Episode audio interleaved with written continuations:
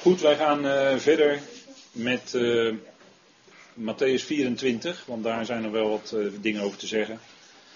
En ehm, ik sluit niet uit dat we nog eens een keer heel uitputtend deze hoofdstukken gaan bestuderen. Matthäus 24 en 25. Maar dan zouden we daarvoor een heel apart moment moeten vinden.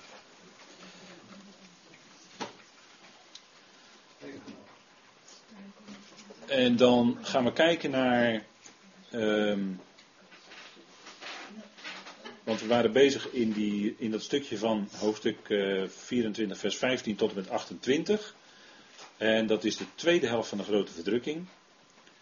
En dat is de grote verdrukking over het volk Israël. Dat is de benauwdheid van Jacob. Zoals die in de schrift ook genoemd wordt. de grote verdrukking. Dat zegt de Heer ook, die gebruikt dat woord ook in Matthäus 24. En dat zegt hij dan omdat die, hij tegen de gelovigen zegt van je moet maken dat je wegkomt.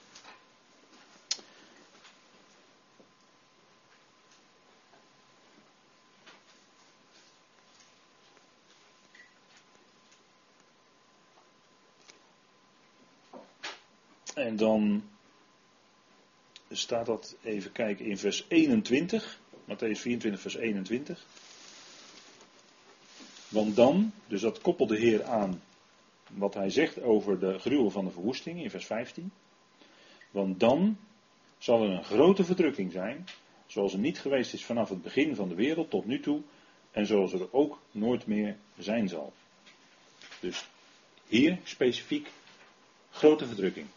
Gaat dus gebeuren na de oprichting van het beeld van het beest in Jeruzalem. En dan zegt de Heer daar een aantal dingen van. En dan zegt hij ook van, uh, hij waarschuwt die gelovigen voor een heleboel dingen. Er zullen valse Christussen opstaan, valse profeten. En natuurlijk weten we dat die in de afgelopen 2000 jaar ook geweest zijn. Maar dan zal het heel intens zijn. Dan zullen er zoveel misleiding zijn, zoveel mensen die zich aandienen als. En dan zegt de Heer, er zullen velen zijn. En ze zullen tekenen en wonderen doen, opdat waar het mogelijk ook de uitverkorenen zouden misleiden. Welke uitverkorenen hebben we dan over? Die van Israël. En eventueel die de Heer daar nog bij roept, maar dan zijn het proselieten die dan aansluiting vinden bij Israël. Maar zouden die, zelfs die uitverkorenen misleiden. En als ze dan tegen u zal zeggen, hij is in de woestijn, ga er niet op uit. Hij is in de binnenkamers, gelooft het niet. Dus blijf op de plek waar je zit.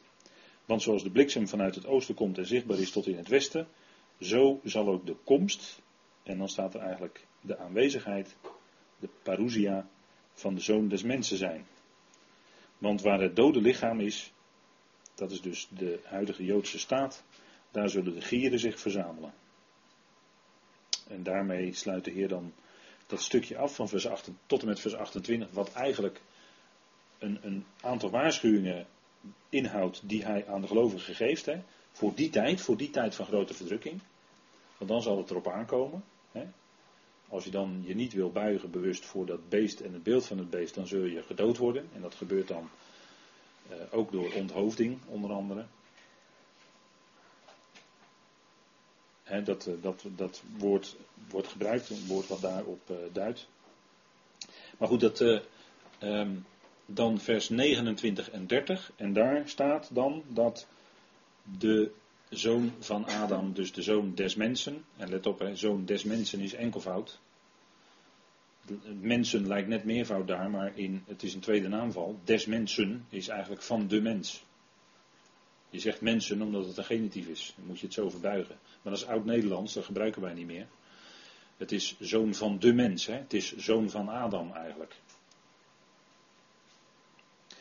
En dan staat er meteen na de verdrukking van die dagen. Dus nu gaat er iets komen. Weer een duidelijke tijdsbepaling. Hè? Na de verdrukking van die dagen zal de zon verduisterd worden. De maan zal zijn schijnsel niet geven en de sterren zullen van de hemel vallen. En de krachten van de hemel, hemelen zullen heftig bewogen worden. En dit kan ook inhouden een aardbeving. Want als de krachten van de hemel bewogen worden, dan is er ook sprake, kan er heel goed ook sprake zijn van een aardbeving. Want hemel en aarde, hemel en aarde werken veel meer op elkaar in dan u denkt. En dan staat er, en dan, vers 30, zal aan de hemel het teken van de zoon des mensen verschijnen. En dan zullen alle stammen van de aarde rouw bedrijven. En ze zullen de zoon, en er staat er stammen van de aarde, maar feitelijk wordt hier bedoeld stammen van het land. Gezien de context. Hier staat het woord ger in het Grieks en dat mag je met aarde of met land vertalen. Maar land wijst dan op het land Israël. En in dit geval is dit, dat ook in de picture. Want daar zal de Heer komen. En dan zullen alle stammen van het land rouw bedrijven, naar Zacharia 12 vers 10. En ze zullen de zoon van Adam zien als hij uit de wolken van de hemel komt. Met grote kracht en heerlijkheid. Dit is dus niet de gemeente die het lichaam van Christus is. Hè? Die maakt dit niet mee, hè? want dat is heel wat anders. Dit is een hele andere beschrijving. Wij zullen namelijk weggerukt worden. In wolken. Tot een ontmoeting van de Heer in de lucht. Zo staat het er. Wij worden weggerukt in wolken tot een ontmoeting van de Heer in de lucht. En dat is dus iets heel anders als wat hier staat. Dat hij op de wolken van de hemel komt. Want dat staat niet in 1 Thessalonicense 4. Daar staat in dat wij in wolken. Dus wolken van gelovigen. Zoveel zijn het er. En hier staat dat hij op de wolken van de hemel komt. Met grote kracht en heerlijkheid. En dan zal hij zich ook gaan vestigen. En hij komt ook als de zoon des mensen. En in 1 Thessalonicense 4 komt hij als de Curios. Een woord van de Curios is het ook wat Paulus daar schrijft. Zegt hij ook, hè, vers 15. Een woord, ik zeg u in een woord van de Curios, van de Heer. Hij komt. Wie? De Heer, Curios, de vorst van de boodschappers. En hier komt hij, maar dit is een ander gebeuren. Dit is namelijk aan het einde van de jaarweek van Daniel. Dit is het einde van de jaarweek van Daniel. Na de grote verdrukking van die dagen, dan is ook die laatste jaarweek van Daniel voorbij. En dan treedt de Heer met zijn volk officieel in het nieuwe verbond. Hier markeert, dit is in feite het beginpunt, het eerste punt van het nieuwe verbond. En hij komt dan, en hier wordt niet specifiek gezegd waar hij komt, maar we weten wel uit Zacharia dat zijn voeten zullen staan op de Olijfberg. En dat is ter gelegenheid van de verwoesting van Jeruzalem. Leest u dat maar na in Zacharia 14, want daar staat dat. Dat dan Jeruzalem verwoest is. Dus eerst komt de verwoesting. En pas daarna, en het land zal ook helemaal ontvolkt worden. Het zal helemaal verwoest worden. Het land zal helemaal ontvolkt worden. Tohu vabohu, als u dat iets zegt, hè. Woest en ledig zal het land worden. Staat allemaal in de profetieën. Het land zal ontvolkt worden. Jawel. En dan gaat het herstel pas beginnen. En de voorstellingen die u ergens leest, vandaag de dag, die hele mooie voorstellingen worden allemaal gemaakt. Ja, zou er geen rekening met de profetie, met verwoesting van Jeruzalem, want dat gaat wel gebeuren. En dat is een boodschap die, niet graag, eh, die men niet graag wil horen. Maar het is wel zo. Het staat er wel. En niet alleen in Zacharia 14, het staat op meer plaatsen. Nou, daar heb ik u wel vaker op gewezen. En dan staat er, dus dat is, dit is het, markeert het einde van de laatste jaarweek van Daniel. En dan wat, wat, we dan krijgen is de verzameling door boodschappers. Dus dan zal hij zijn boodschappers uitzenden en ze zullen zijn uitverkoren bijeenbrengen uit de vier windstreken. Dan pas komt die verzameling van Israël. Dan komt de ware Alia. Hè? Dan komt de ware toevergadering van Israël. Dan worden ze getrokken uit alle vier windstreken richting dat land.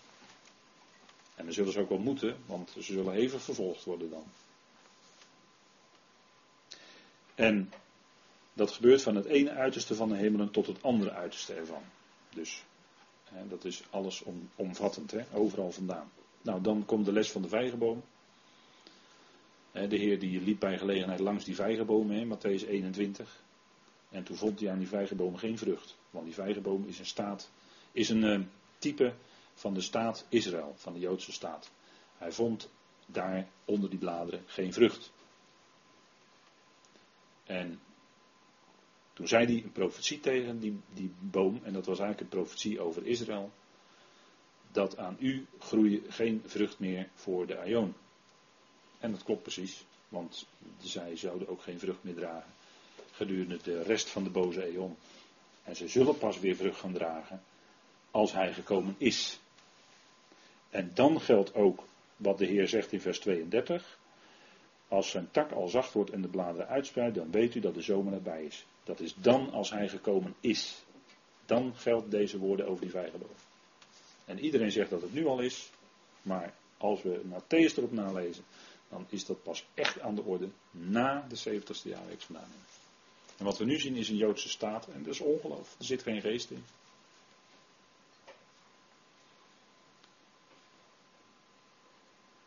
En dan in vers 34 tot 36. Dit, is gebeurd dus, dit, dit gebeurt dus ook nadat de Heer gekomen is. Hè?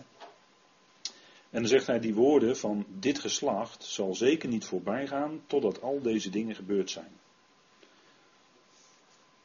En dat, die, die, die tekst die is dus uit zijn verband vaak gehaald. Hè, en wordt er vaak gebruikt om te proberen dan uit te rekenen wanneer de Heer komt. U kent die rekensommetjes wel. dat, uh, ik heb hier even een aantal op een rijtje gezet. Nou, allereerst kun je dan al gaan praten met elkaar over hoe lang duurt er eigenlijk één generatie of één geslacht. Nou, er zijn allerlei suggesties gedaan. 40 tot en met 70 jaar, dus die hele range. Nou, dan kun je natuurlijk gaan rekenen vanaf een bepaalde datum. Nou, bijvoorbeeld 1917 hè, heeft men gedacht. Toen generaal Allenby Jeruzalem binnentrok en, en als het ware veroverde op de, op de, uh, de toenmalige bezetters. En 1948 is ook aangedacht, hè, de stichting van de Joodse staat. Of 1967 toen Jeruzalem verenigd werd. Er zijn ook allerlei theorieën over geweest. Je zou ook theorieën kunnen ophangen aan de Yom Kippur-oorlog of aan de vrede met Egypte in 1979. Of aan 1993, toen ze, waar ik het vorige keer over had. Hè, toen ze allemaal in de tuin zaten bij Clinton, hè, de hele club, heb ik toen gezegd. De hele club zat daar. Die hoorden allemaal bij de club. En u weet inmiddels welke club dat dan is. Of moet je daarmee gaan rekenen? 1993? Zegt u het maar. En hoe lang duurt dan een geslacht, een generatie? 40 jaar? Nou, dan ga je vanaf 1993, zou je kunnen gaan rekenen, 40 jaar. Dat zou je kunnen doen. Nou, waar kom je dan uit? 2000, uh, eh, waar kom je dan uit? 2033 of zo? Nou, dan kun je theorie maken. Kom je uit in 2033, kom de Heer terug, trek je de zeven jaar vanaf, de laatste jaarweek, kom de Heer terug in 2026 voor de gemeente. Dat zou je kunnen doen. Maar dat is echt, uh, dit is nu echt gewoon wat, wat je, waar je je niet aan kan ophangen hoor. Dan kan je geloof niet opbouwen. Of moet je zeggen dat het 50 jaar duurt, één geslacht. Dan zit je al in 2043. Dus begrijpt u waar je dan uitkomt? Maar dat komt allemaal omdat men dus deze tekst, hè, deze generatie, zal geen zins voorbij gaan, want er wordt een hele stellige uitspraak gedaan. Hè, een hele duidelijke ontkenning. Geen zins, dus in het Grieks echt een krachtige ontkenning. Dit, dit geslacht zal geen zins voorbij gaan, totdat al deze dingen gebeurd zijn. En dan moeten we toch even wat scherper stellen, want ik heb dat ook even aangehaald. Eigenlijk staat er, totdat al deze dingen zouden geschieden. En waarom nu zo de nadruk op dat er zouden? Nou, omdat het er ook zo staat. En men heeft eigenlijk in de uitleg van deze tekst, A, dit hele tekstverband van Matthäus 24 eh, heeft men vergeten. En ten tweede heeft men vergeten te kijken naar een heel klein Grieks woordje van twee letters, namelijk het woordje an, A-N. En dat betekent ooit. Dat betekent ooit. Wordt vaak niet vertaald, want het is heel lastig om in een gangbare lopende vertaling dat dan neer te zetten. Maar het staat er wel. En het staat er op meer kenmerkende plaatsen. En dat houdt een bepaalde uh, ja, onzekerheidsfactor, zou je kunnen zeggen. Maar wat betekent dat eigenlijk? Dat die uitspraak gedaan wordt en dat is dan afhankelijk van bepaalde gebeurtenissen. Vandaar ook die wenselijkheidsvorm zouden gebeuren. Zouden gebeuren. Met andere woorden, wanneer een aantal dingen plaatsvinden, echt plaatsvinden, dan gaat dat ook wel gebeuren. Maar het is dus daarvan afhankelijk. En waar zijn we dan van afhankelijk? Nou, van de Heer, wanneer de Heer dat laat gebeuren. Wanneer de Heer dat doet gebeuren. En uh, men heeft dus, en dat is heel belangrijk, want men heeft dus op basis van deze tekst, heeft men gezegd van, ja, kijk, de Heer Jezus sprak dat uit in Matthäus 24. Hij zei, deze generatie zal niet voorbij gaan voordat al deze dingen zouden gebeuren. En die generatie is voorbij gegaan en het is niet gebeurd. Ja, maar wacht even. Nou je dus totaal rekening met wat de Heer zei. En wat er staat in het Grieks, namelijk dat het afhankelijk is, vandaar dat zouden, het is afhankelijk van die gebeurtenissen. Als ze dan echt plaatsvinden, dan zal inderdaad dat niet voorbij gaan voordat die hele generatie, hè, die hele generatie zal dat dan meemaken. Maar dan moet het wel gebeuren. En toen is het niet gebeurd, toen is het niet in vervulling gegaan, wat de Heer voorzegd had. Maar dat is naar de toekomst verschoven. En waar heeft dat mee te maken? Nou, kijk, de Heer zei: deze dingen gaan gebeuren. Dat was Gods wil. Maar Gods bedoeling was dat er nog 2000 jaar voorbij zou gaan waarin de gemeente werd geroepen. Dat was zijn verborgen bedoeling. En dat moest eerst plaatsvinden voordat al deze profetieën werkelijk in vervulling kunnen gaan. En daar is het van afhankelijk. En daar hield men geen rekening mee. In de uitleg. En ik ga er nu zo diep op in. En misschien wel een beetje moeilijk voor u. Maar dat is omdat deze tekst zo vaak verkeerd gebruikt is. Want er wordt steeds gezegd, deze generatie. En ik weet ook nog wel dat er in 1988 allerlei dingen gebeurden. Waar, waarin men ook ophing van, uh, hè, ja, 1988, dat is precies 40 jaar na 1948, dus dan gaat er een heleboel dingen gebeuren. Nou, er gebeurde niks. Nee, waarom? Nou, omdat die dingen die de Heer in Matthäus 24 zegt, omdat die toen niet aan de hand waren. En die zijn nu ook nog niet aan de hand. Dat gaat allemaal nog gebeuren. Kijk, en als je nou binnen het context laat staan van Matthäus 24, waarin de Heer dus een heleboel dingen zegt over, de, over inderdaad wat er allemaal gaat plaatsvinden als Hij echt komt,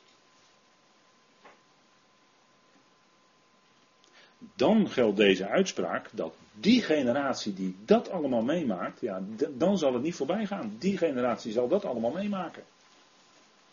Die zal dus die grote verdrukking meemaken en ook wat daarna gaat gebeuren.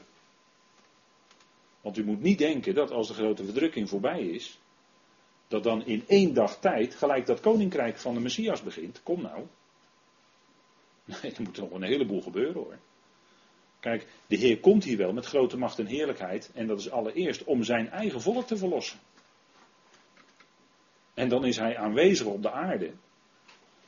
Maar dat is nog niet gezegd dat direct dat enorme wereldrijk van de wettelozen, dat dat, dat direct al verslagen is. Integendeel zelfs. Ze zullen nog misschien zelfs wel nog eerst uh, flink gaan strijden. Kijk, en de profetieën maken duidelijk. Ja, ik zeg misschien wel dingen waarvan u zegt van nou, wat zeg je nou allemaal? Maar kijk, die profetieën over Israëls verdrukking, dat is de verdrukking over Israël. Maar openbaring maakt ook duidelijk dat er nog een verdrukking over de volkeren komt. De Heer gebruikt die volkeren om Israël te verdrukken. Maar als consequentie daarvan is, ja, nou heb je aan mijn oogappel gezeten gaan die volkeren ook weer op hun beurt onder de verdrukking komen.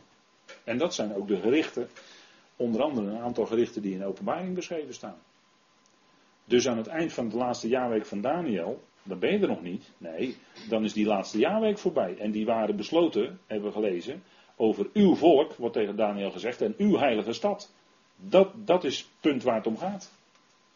Maar als dat voorbij is, dan komt er nog een hele zaak met die volkeren. Denkt u dat die volkeren zich op één dag tijd zonder slag of stoot aan gewonnen zullen geven? Wel nee. Die tegenstander, die Satan, heeft zich zo snel niet gewonnen. Die draak, die, eh, die heeft dat hele zaakje onder zijn macht. En die zal alles nog in het werk stellen om, om die Messias te bestrijden. Hij zal het niet kunnen. Maar er gaat nog wel wat gebeuren hoor. Dus, dus hè, dat zijn, vandaar dat het ook hier na die beschrijvingen, Matthäus 24, wat de Heer allemaal zegt, na de terugkeer van de Heer, zijn aanwezigheid, hè, er wordt gesproken over zijn komst, dan komt, hè, dat is het gebeuren van zijn komen, maar er wordt ook gesproken over zijn aanwezigheid. Hij komt en dan is hij aanwezig. En als hij aanwezig is, dan gebeuren ook nog een heleboel dingen. Dat, dat is als je Matthäus 24 leest. Nou, en dan gaat het dus verder. Hè, dat, uh, met, uh, kijken of dat lukt. Ja. Dus dat is even over deze generatie. Hè. Deze generatie, waarmee, wat wordt daarmee bedoeld? Dat is die generatie die al die dingen die in Matthäus staan, in Matthäus 24 staan, die dat allemaal gaan beleven. Dus die hele, dat stukje aanloop naar grote verdrukking, de hele grote verdrukking, de laatste jaarweek van Daniel en wat daarna gaat gebeuren, die generatie die zal dat allemaal meemaken. Daar gaat het over. En dan staat het binnen het tekstverband van Matthäus 24. Nou, en dan is de Heer aanwezig. En dan zegt hij. Dat de hemel en de aarde zullen voorbij gaan, maar mijn woorden zullen niet voorbij gaan. Maar die dag en dat uur is aan niemand bekend. Welke dag en uur is dat? Dat is de dag en uur dat de hemel en de aarde voorbij gaan. Dat die verbrand worden. Die dag en die uur heeft hij dan over. Hè? Dat, hè, dat is wat je leest zo. Hè, de hemel en de aarde zullen voorbij gaan, maar van die dag en dat uur is aan niemand bekend. Dat is dus wat na de duizend jaar gaat gebeuren. Hemel en aarde vergaan. Dat is allemaal onbekend. Wanneer dat precies per dag gaat plaatsvinden.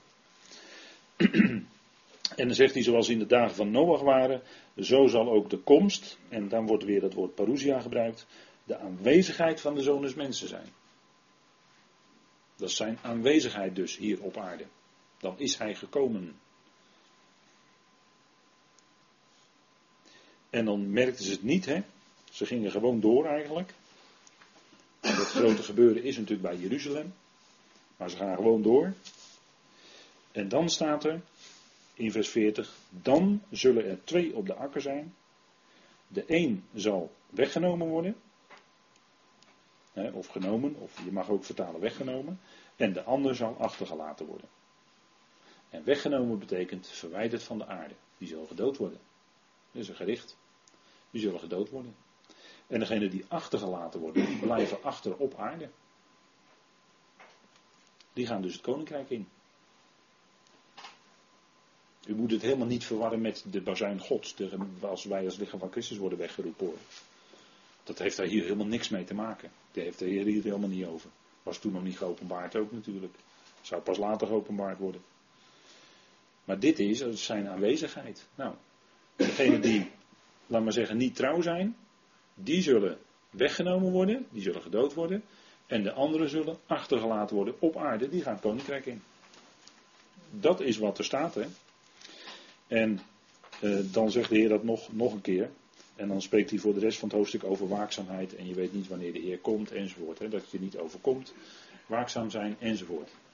Dus even een aantal van die moeilijke teksten uit Matthäus 24. Die moeilijk zijn omdat ze vaak verkeerd gebruikt worden. Maar ik hoop dat u nu iets beter idee heeft binnen welke context dat staat. Hè, binnen welk tekstverband het is. Ja, dus dan wil ik het wat Matthäus betreft even daarbij laten. En ik werd erop gewezen dat ik uh, één tekst eigenlijk heb overgeslagen. Dat is dan echt een omissie van mijn kant, want ik had het echt niet in de gaten. Eén tekst heb ik overgeslagen, namelijk Openbaring uh, eh, 3, vers 2. En dat kwam omdat ik in de dia's heb ik dat laten verspringen. Dus is die tekst eigenlijk niet, uh, niet aan de orde gekomen. Daar staat, wees waakzaam en versterk het overige dat dreigt te sterven. dus ze hadden de naam dat ze leven, maar ze waren in feite dood. En dan zegt hij tegen de getrouwen onder hen, want ik heb uw werken niet vol bevonden voor God. Dus dat is een waarschuwing aan die gemeenteleden. Wees waakzaam, versterk die anderen die ook dreigen te sterven. Want ik heb jullie werken niet vol bevonden voor God. Ze waren wel bezig met de werken, maar het was niet vol. Het was niet voldoende. En ze moesten dus daarbij door de Heer bepaald worden. Nou goed, even over dat vers dan even heel kort. En dan gaan we even verder met de tekst dat hij komt als een dief. En dan gaan we daarvoor even naar 1 Thessalonicense 5. 1 Thessalonicense 5.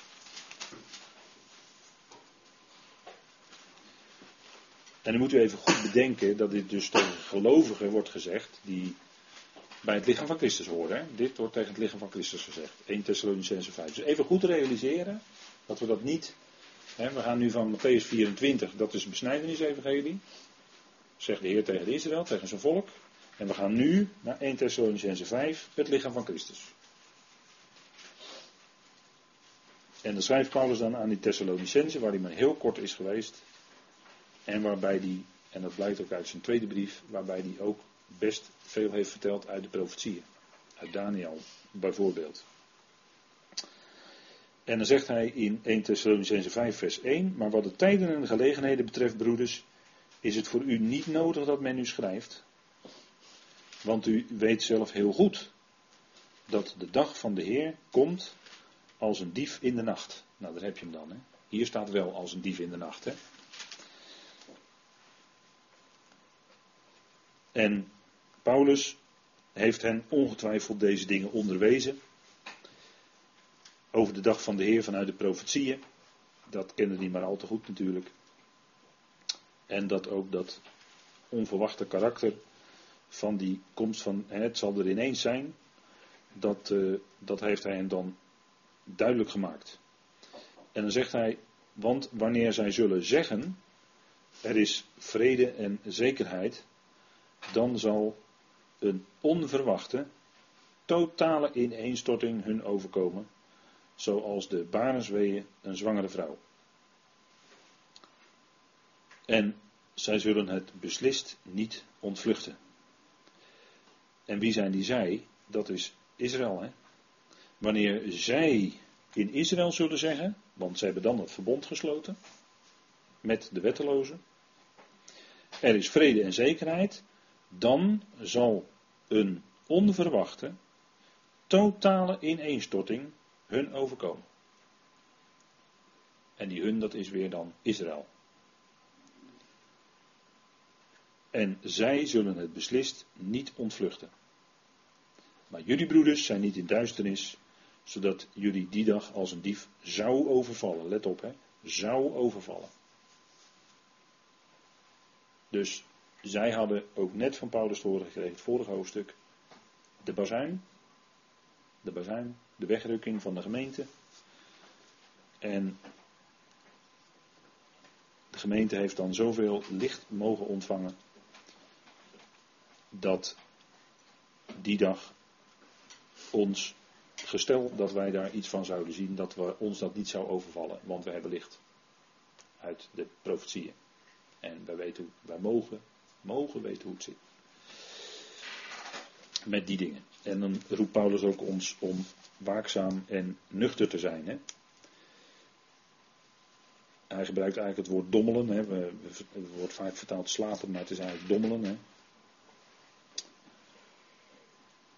Maar of wij nu geestelijk gezien ingedommeld zijn, ingedut zijn, of dat we waken, dat is geen voorwaarde. Want Paulus zegt die, eh, dat de Heer Jezus Christus voor ons stierf, opdat wij, vers 10, het zijn wij waken, het zijn wij dommelen, samen met hem leven. Dus dat is eh, onze geestelijke situatie. Of wij nu geestelijk gezien in slaap zijn gesukkeld of ingedommeld zijn, of dat we juist heel waakzaam zijn, dat is geen voorwaarde voor de bazuin.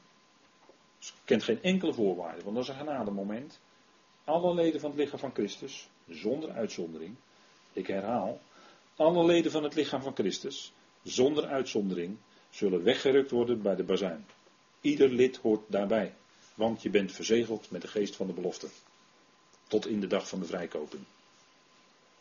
En die dag van de vrijkoping is voor ons de bazuin. Dan wordt ons lichaam veranderd, dan worden we vrijgekocht. Dan gaan we over van dit lijden in heerlijkheid. In één klap. Nou, dat is, onze, dat is de belofte die wij hebben, dat is genade. Daar, zijn daar is geen enkele voorwaarde aan verbonden. En ieder die dat anders predikt, die predikt niet de genade. En die gaat in tegen wat hier staat. In 1 Thessalonicense 5. Want het staat hier.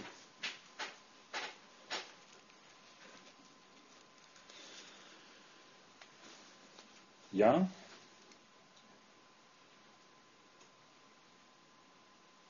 Goed, dan gaan we verder naar vers 4. En dan keren wij dus terug naar openbaring. En dan kunnen wij dus ook terug naar het evangelie van de besnijdenis. Hè? Even die sprong weer maken. We waren net even het evangelie van de genade van Paulus. En nu keren we weer terug naar het evangelie van de besnijdenis. Die lijntjes moet u altijd goed uit elkaar houden. Want anders doet u dat niet, doet u dat niet is tot uw eigen schade in uw geestelijk leven. En dan staat er, maar jullie hebben een paar namen in Sardis die hun kleding niet bevuilen. En ze zullen met mij wandelen in wit, omdat zij waardig zijn. Wit, de kleur wit, heeft te maken met heiligheid, met reinheid. Een zuivere wandel, hè, wordt hierover gesproken. Het heeft linnen, hè, wit linnen, wordt vaak gebruikt. En de kleur wit heeft dan ook te maken met de opstanding en de opstandingskracht. En, uh, maar er wordt bijvoorbeeld ook gesproken over een grote witte troon aan het eind van openbaringen. Dus een witte troon. Het is geen zwarte troon, het is een witte troon. Wijs er maar eens op. Want wit, nogmaals, is de kleur van heiligheid, reinheid enzovoort. En gerechtigheid zou je misschien ook kunnen zeggen. En ze zijn het waardig, hè. Uh, omdat zij waardig zijn. Ze zullen met mij wandelen in wit, omdat zij waardig zijn. Dus daar, daar heb je weer die wandel die nodig is bij de besnijdenis. In besnijdenis heb je het weer, die wandel, die is nodig. En daar, zit, daar kleeft een stukje voorwaarde aan. Nou, dat zien we steeds bij die besnijdenis, hè? terug. Bij Paulus niet. Paulus geldt geen voorwaarts genade. Een en al genade. Geen verdiensten van onze kant verlangt.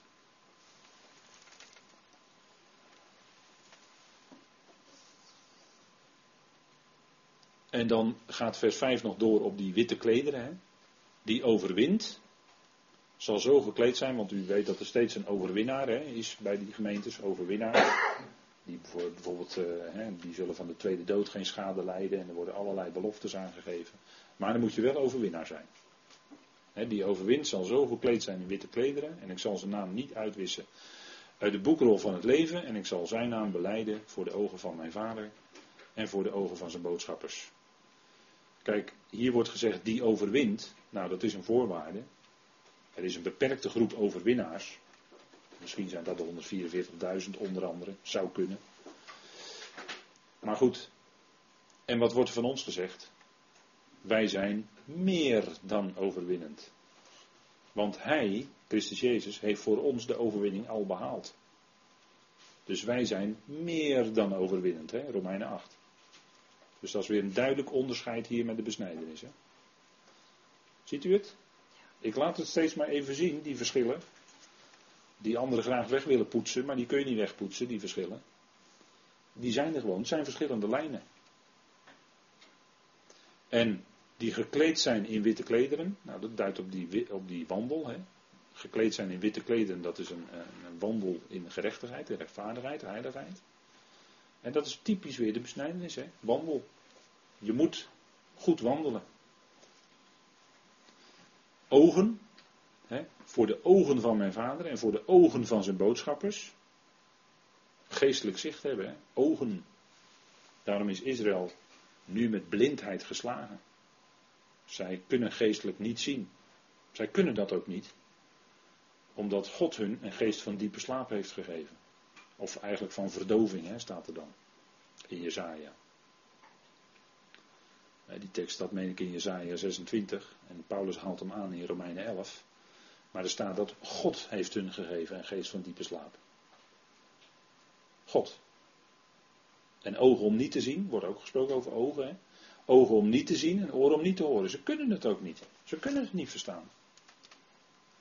En ik heb laatst in de Bijbelstudie vanuit Johannes 12, dat was op de Bijbelstudiedag in Maren, heb ik er ook op gewezen, dat zij konden, hè, er waren onder hen daar in Johannes 12, die konden het niet geloven. Waarom niet? Nou, ze konden het gewoon niet. Dat was onmogelijk. Waarom? Dat is Gods plan.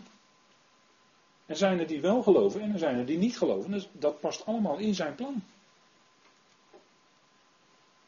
dus als u de vraag stelt, ja, komt dan niet iedereen tot geloof in deze tijd? Nee, dat, want dat kan ook niet.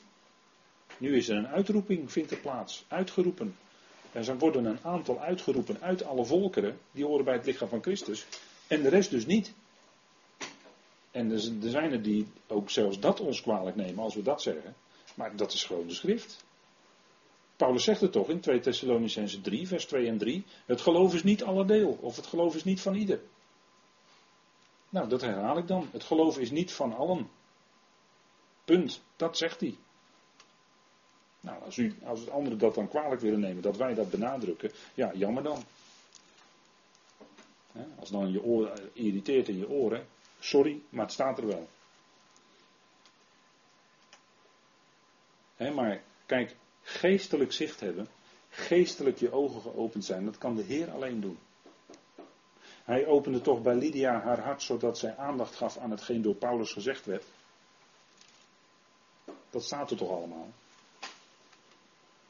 In een andere plaats in Handelingen staat: allen die bestemd waren tot eonisch leven, die kwamen tot geloof. Nou, ik, ik, zou nu een hele rij teksten kunnen gaan noemen, maar ik denk dat dit voorlopig wel weer genoeg is. maar dat Gods, Gods werk. daarom kunnen we het evangelie wel uitdelen. Kunt wel uitdelen, aan anderen bekendmaken, tuurlijk. Maar of die ander daar gehoor aan geeft of gelooft, ja, dat is onze zaak verder niet. Maar bij gelegenheid mogen we het wel doorgeven. Ja, als die ander dat totaal niet ziet zitten, ja, dat is Godszaak. Dat is onze zaak verder niet. Maar dan, dan hebben we ook geen, geen, geen druk, geen drang dat wij zoveel mensen moeten bekeren.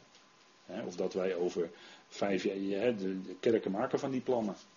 Dat ze over vijf jaar willen ze zoveel procent nieuwe leden erbij hebben. Ja, dat soort plannen is allemaal naar het vlees. Dat is allemaal bezig zijn naar het vlees. Zo is de wereld bezig. Zo, zo kun je als kerk niet bezig zijn. Dat is toch Gods zaak wie er tot geloof komt. Dat is toch jouw zaak niet. Maar goed, ehm, ogen, hè, geestelijk zicht hebben op de dingen. En dan de, voor de overwinnaars wordt een geweldige belofte gegeven, namelijk dat die overwint, zal zo gekleed zijn in witte klederen, en ik zal zijn naam niet uitwissen uit de boekrol van het leven. En ik zal zijn naam beleiden voor de ogen van mijn vader, voor de ogen van zijn boodschappers. En ik denk dat het toch goed is om het hierbij te laten vanavond. Uh, en dan gaan we volgende keer heel diep in op de boekrol van het leven. En wat dat betekent. En wie daarin staan en wie daar niet in staan. Enzovoort. En waar het van afhankelijk is of je er wel in staat of niet in staat. Ik denk dat dat eh, toch goed is om dat op een eh, volgende avond wat uitgebreider aan de orde te laten komen. Want u weet dat ook daarover weer allerlei gedachten zijn. Goed zullen wij dan de Heer danken.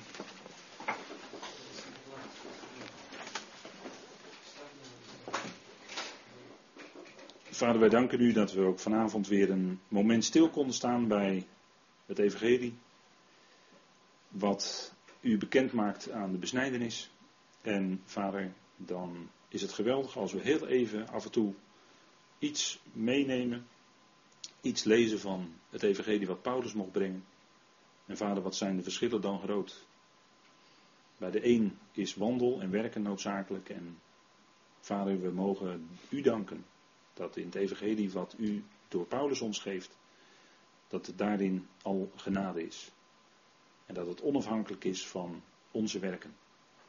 Dank u wel, Vader, voor die genade, dat we dat mogen verstaan. En dank u wel dat u ons dat geeft, dat we ook daadwerkelijk met ons hart dat heel diep mogen gaan beseffen. Vader, daar gaat tijd overheen voordat je dat echt gaat zien. Maar vader, geeft u door uw geest in ons dat we dat kunnen verstaan. Die waarheid. Dank u wel, vader, dat u ons zo vanavond weer een stukje verder liet komen in dat woord van u. In die toch boeiende dingen uit het profetisch woord. Vader, en dan zien we hoe snel men een stukje waarheid kwijtraakt door zaken niet in zijn verband te lezen. Dank u wel, Vader, dat u ons daarbij bepaalt en dat we zelf deze dingen mogen nazoeken of ze zo zijn. En dat toetsen aan de schrift. Dank u wel, Vader, dat u ons dat geeft om stap voor stap verder te komen in deze dingen. Vader, en we zien uit naar die komst van uw zoon. We mogen daar vol verwachting naar uitzien. Vader, dank u wel dat wij niet afhankelijk zijn van tekenen die moeten gebeuren. Maar dat we dagelijks kunnen verwachten dat de bazuin klinkt. En ja, vader, dan zal het allemaal geweldig zijn. Dank u wel dat we daarna uit mogen zien. Dank u wel dat we dan degene die ons ontvallen zijn weer terug zullen zien. In heerlijkheid. Vader, wat een fantastisch moment zal dat zijn. Dank u wel voor uw goedheid, trouw en liefde. Dank u wel dat we in deze boze eon mogen leven en ja, Vader, ons steeds mogen richten op u en uw woord. Dank u wel daarvoor. Dank u wel voor uw goedheid en trouw. Elke keer weer in de machtige naam van uw geliefde Zoon, onze Heer Jezus Christus. Amen.